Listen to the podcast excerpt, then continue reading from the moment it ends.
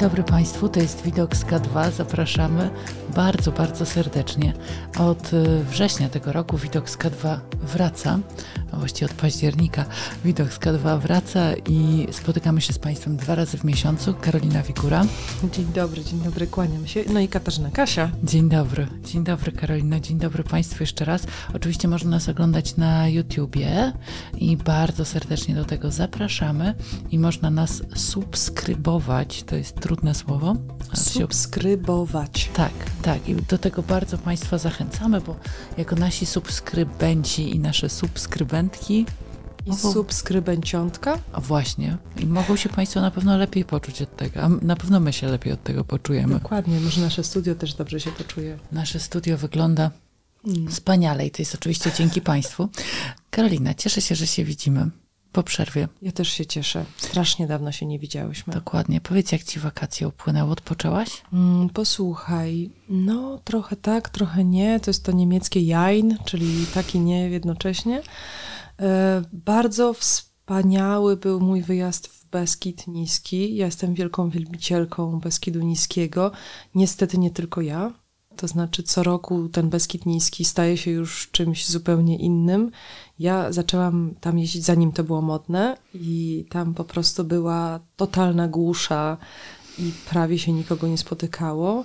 Teraz to nie jest tak, że się nikogo nie spotyka. E, trochę się ludzi spotyka, ale najważniejsze to, że porobiły się takie centra dla tych wielkomiejskich turystów, bo to stało się po prostu bardzo, bardzo modne. Ale Beskid Niski jest piękny.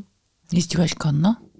Nie, w tym roku nie jeździłam konno. Jakoś nie było okazji, ale chodziliśmy. Moi chłopcy już chodzą teraz tak po 10 kilometrów, to na spokojnie, więc chodziliśmy sobie. Czasem nawet cały dzień oglądaliśmy rajskie zupełnie krajobrazy. No a ja się też trochę uczyłam, no bo ponieważ to jest podkarpackie, to e, jedzie się do tej Polski też trochę zrozumieć, co, co to jest takiego, dlaczego ludzie tam jednak głosują na Prawo i Sprawiedliwość. No i co twoje mądre socjologiczne oko zobaczyło? Ja myślę, że oni tam żyją w innym zupełnie świecie niż my i, um, i że to jest tak, że te Polski się ze sobą nie komunikują. To znaczy, mieszkając w Warszawie, masz takie poczucie, że, że mieszkasz um, w mieście, które jest całkowicie otwarte i europejskie i to nie chodzi tylko o to, jak ludzie się zachowują na ulicy, zachowują się różnie, powiedzmy sobie szczerze, że jeszcze wciąż e, wzrok mm, zamiast e, uśmiechu jest dosyć częsty. Natomiast chodzi o to, że w Warszawie masz, albo po prostu w wielkim mieście, masz bardzo wiele punktów odniesienia, jeżeli chodzi o tożsamość i wiele kanałów komunikacji, jeżeli chodzi o rozmowę. Tymczasem moje przynajmniej wrażenie kiedy ja jadę do tych małych, za każdym razem to jest inna miejscowość w Beskidzie Niskim, jest takie, że jednak głównym punktem odniesienia jest Kościół katolicki, on jest tak jakby centrum świadomości i komunikacji. Mhm. Więc jeśli nie należysz, nie przynależysz, to jest duży kłopot.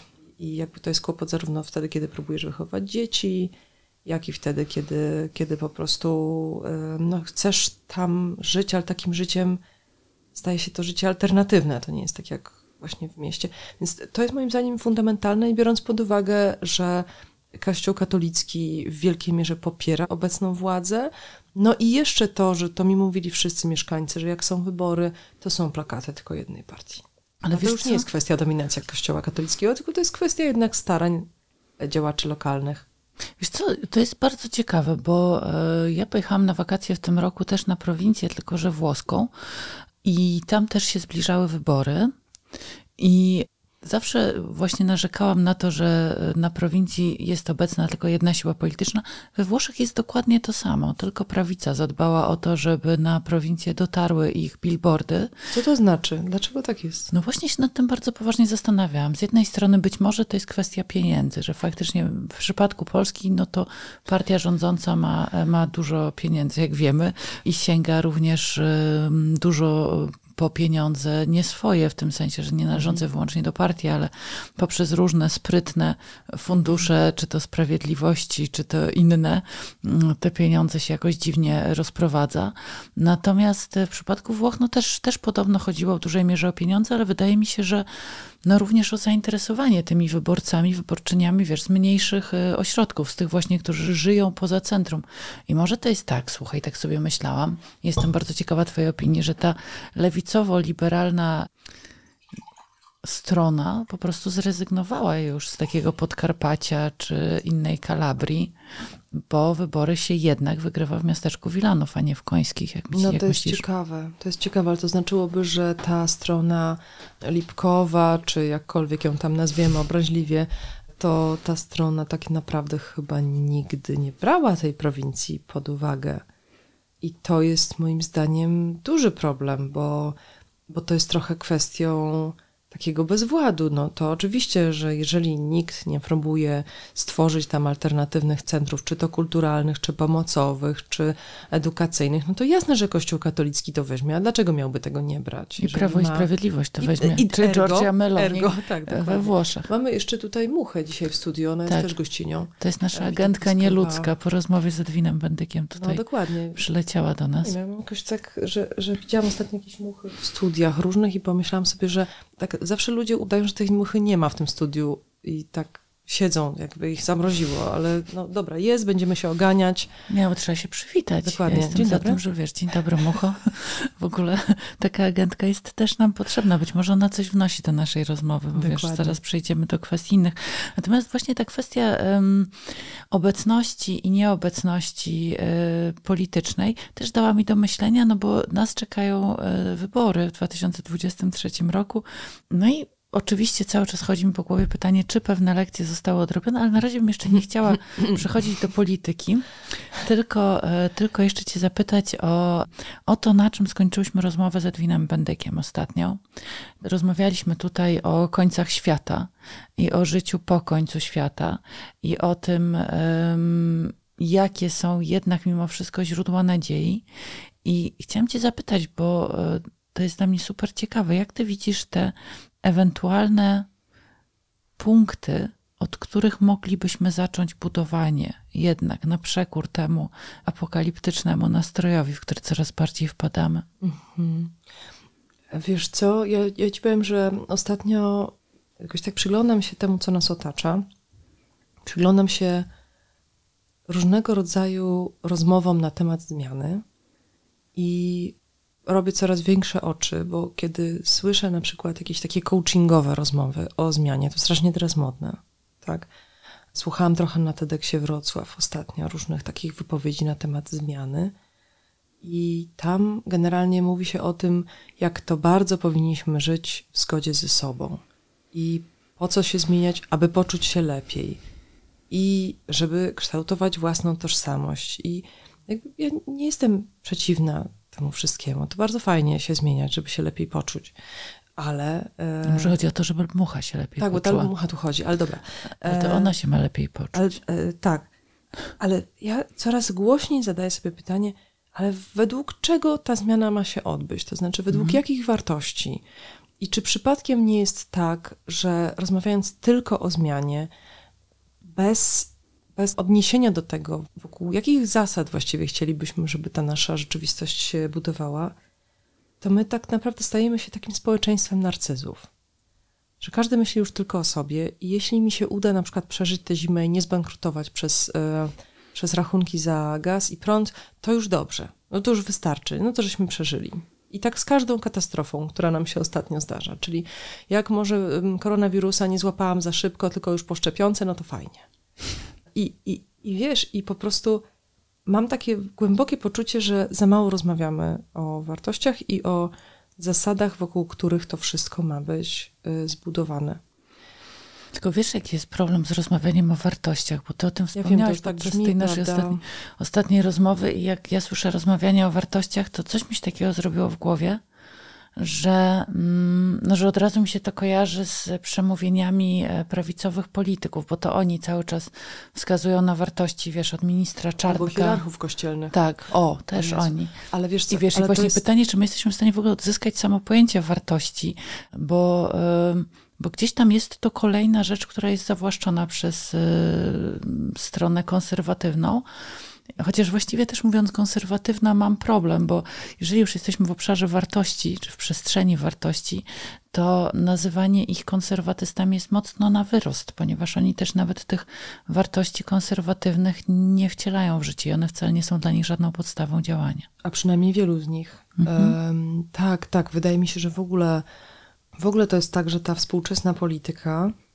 fala populizmu, ale też umówmy się, że to, co było przed populizmem, to też w wielkiej mierze nas nauczyła, że zasady zasadami, ale ugrać ze swojego to druga strona i że ci, którzy są najbardziej spójni pod względem tego, co mówią i co robią, to tak naprawdę no, nie siedzą w tych zarządach spółek Skarbu Państwa, więc jakby no nie wygrywają. I, I to wydaje mi się, że i to, co mówisz, to znaczy, że ten język wartości został zawłaszczony po pierwsze przez e, właśnie tych polityków, którzy się najbardziej chcą podobać, po drugie przez tych właśnie pseudokonserwatystów, tych, tych tak naprawdę nacjonalistycznych populistów.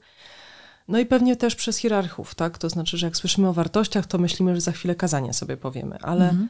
Ale zasadniczo, wiesz, no jak rozmawiałyśmy z, z Edwinem Bendykiem, no to, to jest takie pytanie, dobrze, to jest katastrofa klimatyczna, dobrze, to mamy kłopoty z systemem, w którym żyjemy, no to okej, okay, chci chcielibyśmy coś zmienić, tak? I teraz nie mówimy o swoim życiu zawodowym, wypaleniu, nie wiem, kryzysu wieku średniego, tylko mówimy, że chcielibyśmy mhm. coś zmienić w tych makrokategoriach.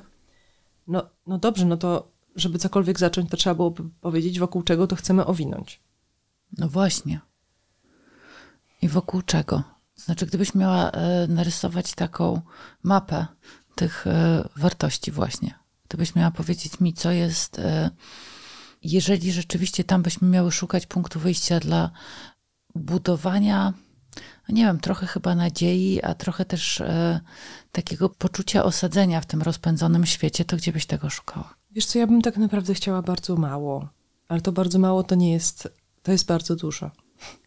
To znaczy, tak naprawdę najbardziej bym chciała, żeby, żeby zestaw wartości, na które się zorientujemy, był bardzo minimalistyczny, bo mam duży sceptycyzm wobec natury ludzkiej i uważam, że stawianie zbyt maksymalistycznych oczekiwań jest nierealizowalne. Więc na dobrą sprawę wystarczyłoby mi, żeby tą zasadą, wokół której chcielibyśmy to owinąć, to byłaby taka zasada, żeby starać się nie opuszczać mhm. drugiego. Tego drugiego bardzo szeroko rozumieć. Ty o tym pięknie mówiłaś w rozmowie e, z Edwinem Bendykiem, to znaczy nie opuszczać drugiego, ale tego drugiego traktujemy nie tylko jako człowieka, ale też czasem jako zwierzę, a czasem być może jako jakąś inną istotę. Mówiłaś o, o istotach technologicznych, co mnie się jeszcze, muszę powiedzieć, nie mieści w głowie, ale chciałabym właśnie, żeby tego innego traktować szeroko. Mhm. I nie opuszczać. Ale na czym by miało polegać to nieopuszczanie? Wiesz, ja myślę, że na takich bardzo prostych rzeczach. Jest taka rozmowa w kulturze liberalnej, którą ja ostatnio miałam przyjemność przeprowadzić z Harszem Manderem.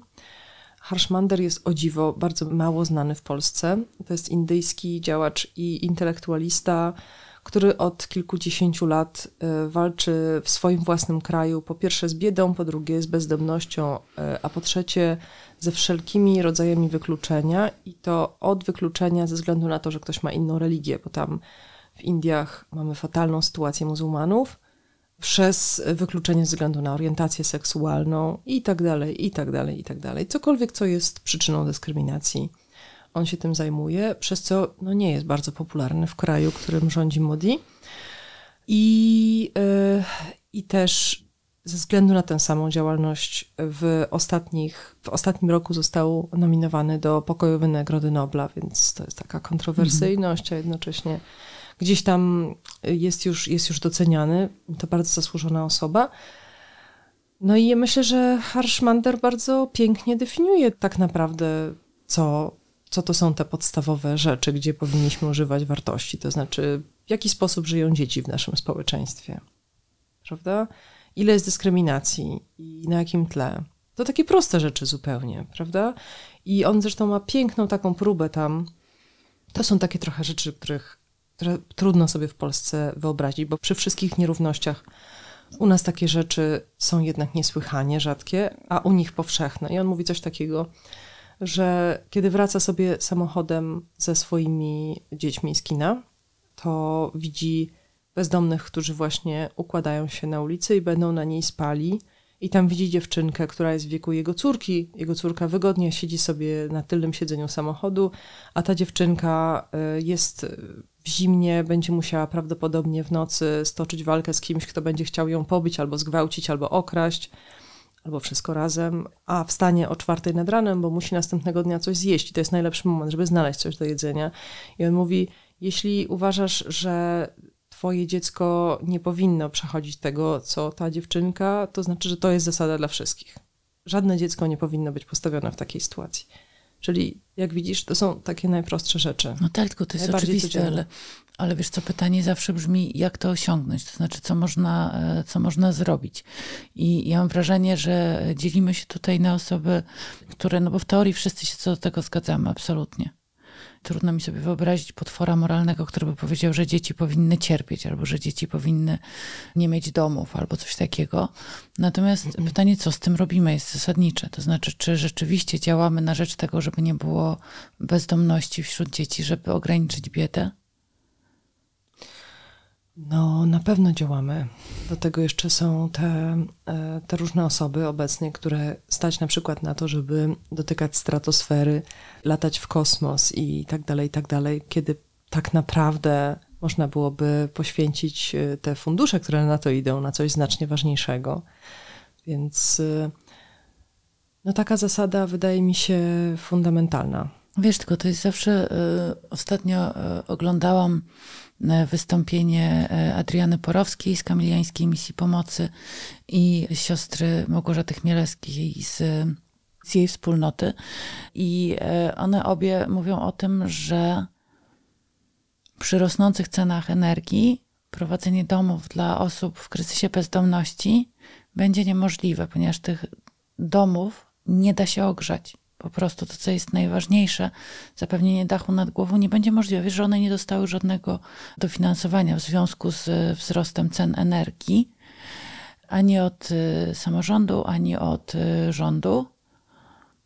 No i pytanie brzmi, co można zrobić, wiesz, czy to znowu będzie kolejna zrzutka, czy też jesteśmy w stanie w jakimś sensie zadziałać systemowo.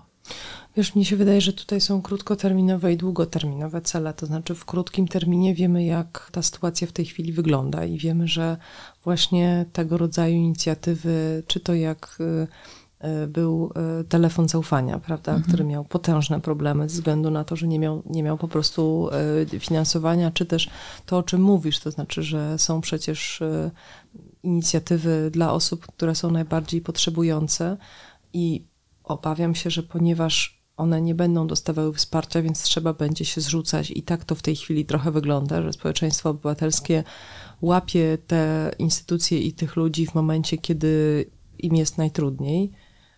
No ale z drugiej strony ta systemowa zmiana, o której mówimy, no to jest właśnie wielkie pytanie. To znaczy, w jaki sposób my będziemy szukać y, zmiany, wyjścia z tej sytuacji, w której, w której jesteśmy, która które nie będzie wyjściem pełnym przemocy, prawda? No bo jeżeli mhm. wiemy, że każdy ostatnio kryzys, a tych kryzysów jest mnóstwo, one tak naprawdę wydarzają się jeden za drugim i gdy tylko nam się wydaje, że jeden jest już za nami, to pojawia się drugi i tak dalej. Więc jak tylko się okazuje, że, że pojawia się nowy kryzys, to, to ten kryzys staje się takim katalizatorem dla tego, jak wygląda w tej chwili społeczeństwo. To znaczy, że ci, którzy mogą, mogą jeszcze bardziej, a ci, którzy nie mogą, jeszcze bardziej nie mogą i ci, którzy byli pośrodku, czyli ta klasa średnia, obrywa najbardziej. Znaczy ona się, ona się osuwa tam w stronę tych, którzy, którzy mają mniejsze środki. Ja jestem bardzo przeciwna takim prostym odpowiedziom, no to trzeba rewolucję zrobić. No właśnie, nie rozumiem, co to, to w ogóle jest, znaczy. znaczy. No właśnie, dokładnie, ponieważ jak wiemy, rewolucje i wszystkie takie krwawe e, przewroty mają to do siebie, że e, zwykli ludzie cierpią najbardziej. I, I wiesz, to, że dojdzie do jakiegoś zwrotu i teoretycznie być może do poprawy ich sytuacji, to zawsze pociąga za sobą mnóstwo ofiar. I tutaj ten rachunek zysków i strat jest niezwykle trudny do przeprowadzenia. To znaczy, co możemy osiągnąć, a, a co możemy bezpowrotnie utracić. I to są takie, takie momenty niezwykle ważne. I, I wiesz, co ja sobie myślę ostatnio, bo myśmy zaczęły ten nasz podcast robić już bardzo dawno temu. I To był rok 2020. 2020. Jakaś głęboka jesień, smutno, ciemno pandemia. i nacjonaliści na ulicach. Pandemia, a na ulicach nacjonaliści, którzy nie wierzyli w pandemię. To był 11 listopada. Tak. Mhm. I wiesz co? I tak sobie pomyślałam, że zobacz, robimy to przez dwa lata takiego, takie naprawdę gęste dwa lata.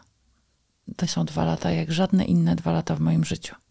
Nie wiem, czy się z tym zgadzasz. Mm, tak, one są bardzo gęste. To znaczy, ja mam takie wrażenie, że zaczęło się zmieniać już wcześniej. To znaczy, że to tak naprawdę jest prawdopodobnie dla Polski to jest ta ostatnia dekada, ale dla globalnie to jest pewnie jeszcze wcześniej, czyli od tego kryzysu finansowego, który się wydarzył no już prawie 15 lat temu. To już jest naprawdę bardzo, bardzo dawno, że to wtedy się zaczęło dziać. Ale dla Polski to jest prawdopodobnie prawie dekada, bo to jest coś takiego. Ja dobrze pamiętam ten ro- rok 2014, który był takim tym ostatnim rokiem platformy i taki nasz, nasz czyli naszego pokolenia, taki, taką rosnące zaniepokojenie, że zaraz to, to już wszystko, to, to jest wszystko, co ta, ta, ta liberalna władza dała, to tak to będzie wyglądało, to ten, ten kraj się tak zatrzyma. No i potem oczywiście kwestia tego wielkiego cofnięcia, które nastąpiło później. I teraz te wszystkie globalne kryzysy, które jeden za drugim po prostu uderzają i za każdym razem masz wrażenie, że no jeszcze na coś następnego idzie. A czy masz poczucie, że. em, no bo rozmawiałyśmy z Edwinem Bandykiem o tych e, kryzysach takiej bardzo globalnej, bardzo ogólnej skali i na pewno to nie była nasza ostatnia rozmowa o kryzysach, bo w tym roku sobie wymyśliłyśmy, że w ogóle się przyjrzymy kryzysom, końcom świata e, kolejnym i, i postaramy się może właśnie trochę poszukać nadziei w tym naszym podcaście, bo gdzieś to jest chyba towar najbardziej deficytowy e, z tych, które są, które są nam dostępne. Ale nie skupiłyśmy się tutaj zupełnie z Edwinem na tym polskim kontekście i na tym, co się u nas dzieje. I czy kiedy patrzysz na z jednej strony sytuację pandemiczną, z drugiej strony na e, to, co się dzieje w Ukrainie, na możliwość rozszerzenia się tej wojny, rozlania się i na, na cały świat, czy czujesz, że nasz kraj jest do tego przygotowany? Czy masz poczucie, że ten podstawowy obowiązek swój zapewnienia bezpieczeństwa poddanym ta władza spełnia? Bezpieczeństwo poddanym, czyli rozumiem, że... No taki że... Machiavelli, wiesz. No, Machiavelli i tak sobie pomyślałam, że to też jest Hobbes i to XVII stulecie pełne, e, pełne sprzeczności, rewolucji i zmian i, i wtedy właśnie Hobbes mówi, że dobra, to, to najlepiej, żeby chociaż tę stabilność i bezpieczeństwo zapewnić i, i wtedy możemy akceptować tego, tego władcę. A ty pytasz, czy oni są w stanie zapewnić? Nie, mnie się wydaje, że, że to ciągle są te małpki. Nic nie widzę, nic nie słyszę, nic nie mówię. To znaczy, że ciągle udajemy, że tych kryzysów tak naprawdę nie ma. Znaczy, to słyszymy, prawda? Ze wszystkim sobie poradzimy, wszystko będzie bardzo dobrze i, i, i znakomicie. I jednocześnie mam takie poczucie, że pod każdą władzą mielibyśmy problem. To, żeby było jasne. To nie jest tak, że, że gdyby rządziła jakaś inna partia, to byłoby teraz różowo, dlatego że ten porządek społeczny, który zbudowaliśmy po 1989 roku, on w oczywisty sposób miał wady. Musiał mieć wady, no bo był budowany przez ludzi.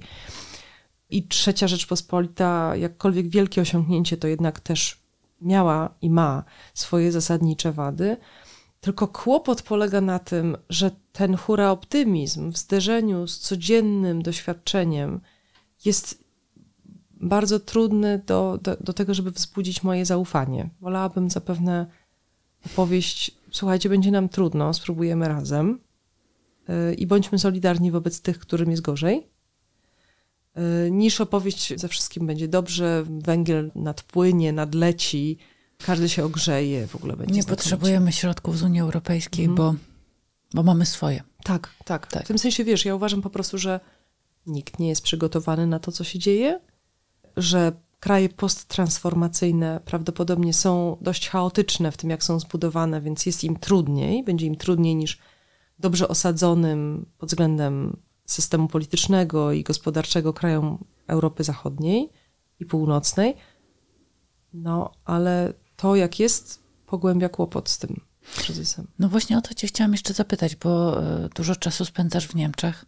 Jakie widzisz różnice? To znaczy, jaka, jaka jest w tej chwili dominująca narracja w niemieckiej polityce? Jak oni się szykują na tę trudną bardzo jesień i zimę? Bo ona będzie mhm. trudna nie tylko w Polsce, to też trzeba sobie uświadomić. Ona będzie na świecie trudna, ponieważ ten kryzys ukraiński się rozlewa i um, ta inwazja Rosji na Ukrainę doprowadziła do naruszenia pewnych łańcuchów kluczowych dla światowych gospodarek, dla funkcjonowania poszczególnych państw, nie tylko w Europie. Wiesz, oni mają swoje strukturalne problemy. Y, niektóre z nich przypominają nasze problemy, a inne nie. Po pierwsze, oni mają problem z długą stabilizacją, która przyniosła dużo nierozwiązanych problemów. Brzmi znajomo? Mhm. My też mieliśmy taki problem po 2015 roku.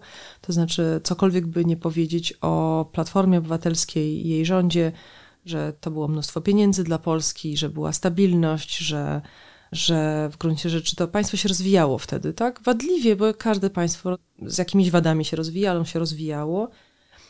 Ale jest na pewno jeden kłopot z tymi dziesięcioma latami, to znaczy, że Polska mało reformowała się w miejscach strukturalnych, które owocują na przyszłość.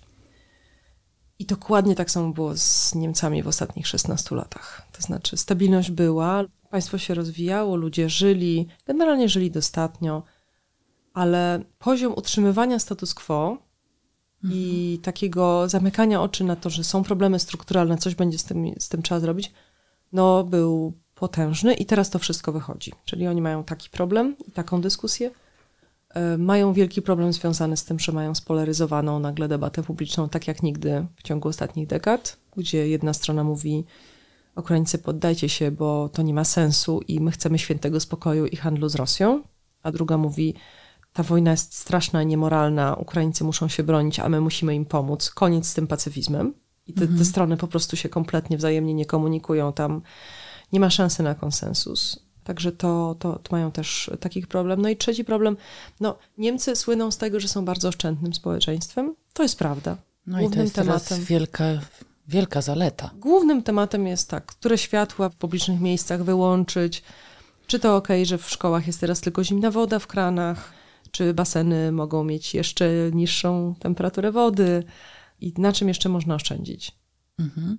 W Polsce y, tego typu dyskusja się nie toczy. To też świadczy o naszym sarmackim charakterze i o tym, że trzeba jeść, pić i popuszczać pasa cały czas, chociaż samorządy są już pod ścianą i po prostu w bardzo wielu miejscowościach w Polsce w tej chwili się wyłącza światła. Ostatnio takim przykładem ze świata akademickiego było to, że Uniwersytet Ekonomiczny w Krakowie podjął decyzję o zamknięciu basenu. W ten sposób zaoszczędzał milion złotych w ciągu roku, ale basen będzie zamknięty, obniża się temperatury w salach wykładowych. Część uczelni, między innymi Szkoła Filmowa w Łodzi, Akademia Teatralna w Warszawie, ogłosiły, że zajęcia, jak spadnie temperatura, będą prowadzić zdalnie, ponieważ mhm. nie stać ich na ogrzewanie e, budynków. Tak, ale to jest, wydaje mi się, coś, co możesz też usłyszeć i w Niemczech, i zamychanie basenów, tak. Tak, tak, może tak. się no, zdarzyć. I, ale mówię, mówię że i wszyscy jakby, będziemy nosić jedną warstwę więcej. Wszystko to okay. jest e, w Polsce oddolne, to znaczy nie ma, e, nie ma za bardzo takich dużych wezwań do tego, żeby oszczędzać. Rząd się boi to Polakom zakomunikować, że jest taka konieczność. Raczej mówi się o tym, że wszystko będzie dobrze, że węgiel płynie. Ten węgiel rzeczywiście dopływa, ale jest tak marnej jakości, że się nie nadaje do, do palenia. E, w związku z tym pojawiają się zachęty, takie jak z ust prezesa Kaczyńskiego, żeby palić wszystkim oprócz starych opon, co na pewno nie wpłynie dobrze na jakość powietrza, którym będziemy e, oddychać, no ale kiedy mróz nam zajrzy w oczy, no to, to pewnie nie będzie, wiele osób nie będzie miało wyjścia, ponieważ też ceny tego węgla e, są potwornie wysokie, są tak wysokie, że bardzo wiele osób na to po prostu nie będzie stać, mimo że rząd jakieś tam dodatki e, zapewnił, no to nawet z tym to, wiesz, będzie przerastało możliwości odbiorców indywidualnych, ale też różnych firm, które się też zaczynają zamykać ze względu na bardzo rosnące koszty, e, koszty energii. Także jesteśmy w sytuacji, w której rzeczywiście, tak jak słusznie Edwin Bendek powiedział w trakcie tej naszej poprzedniej rozmowy, okazuje się, że pieniędzy może da się zawsze dodrukować, ale zasobów, źródeł energii nie. Mhm. I to jest gigantyczny problem, nie tylko Polski, ale całego współczesnego świata. Pytanie, co się z tym, e, co się z tym da zrobić. No i ja myślę, że My będziemy tutaj w tym naszym e, podcaście przez najbliższy rok zajmowały się końcami. Zobaczymy, ile jeszcze końców świata obejrzymy. A ja bym chciała, żeby Państwo, żeby Państwo napisali nam w komentarzach, o czym chcieliby rozmawiać, jak chodzi o przyszłość. Mhm. Bo ja sobie myślę, że chciałyśmy, rozmawiałyśmy o tym, że chciałyśmy rozmawiać o wojnie, o nierównościach, o technologiach, o klimacie. I to są troszeczkę tacy usual suspects, prawda? A ja bym strasznie chciała wiedzieć, co Państwa interesuje. Dokładnie, co Państwa Proszę interesuje państwa. i gdzie może Państwo szukają nadziei. Może to jest tak, że ostatnio zetknęli się Państwo z jakimś głosem, coś Państwo usłyszeli, coś Państwo zobaczyli, co rzeczywiście dało Państwu nadzieję, że ten świat nie idzie w taką całkowicie najgorszą stronę i że można tutaj coś, e, coś ocalić. Może to jest gdzieś w wartościach. Ja mam nadzieję, że jeszcze porozmawiamy o emocjach, które towarzyszą tym końcom świata, bo to jest coś, e, na czym się świetnie znasz i o czym bardzo chciałabym z Tobą pogadać, jak my się, wiesz, w tym wszystkim odnajdujemy, jakie to uruchamia w nas odczucia i powiedziałaś o wartościach. Ja myślę, że to się bardzo mocno wiąże z emocjami. Myślę, że to się wiąże z tym, w jaką stronę również e, afektywnie chcemy pójść. Czy chcemy się poddać, czy z jakich pozycji chcemy podjąć działanie, bo to jest super ważne. Absolutnie. Mi się wydaje, że emocje są bardzo ważne w takim sensie, że my za dużą rolę przywiązujemy do rozumu i wydaje nam się, że ten rozum działa zupełnie analitycznie i bezafektywnie, ale to jest oczywiście nieprawda i Wspomniałyśmy raz dzisiaj Hobbesa, no to Hobbes pięknie pisze, że rozum też ma swoje namiętności i kiedy jest namiętny, to najczęściej popełnia błędy. Więc y, to jest, to, to jest wielki temat i uważam, że, że to pytanie i w kontekście globalnym, bo przedtem rozmawiałyśmy właśnie jaka zasada, ale też w kontekście polskim, bo to jest to, to my jesteśmy tym społeczeństwem, które wchodząc do Unii Europejskiej chwaliło się, że to my jesteśmy ci od Solidarności. Mhm. Ci od Solidarności to my, czyli my nauczymy Unię Europejską, jak być solidarnym.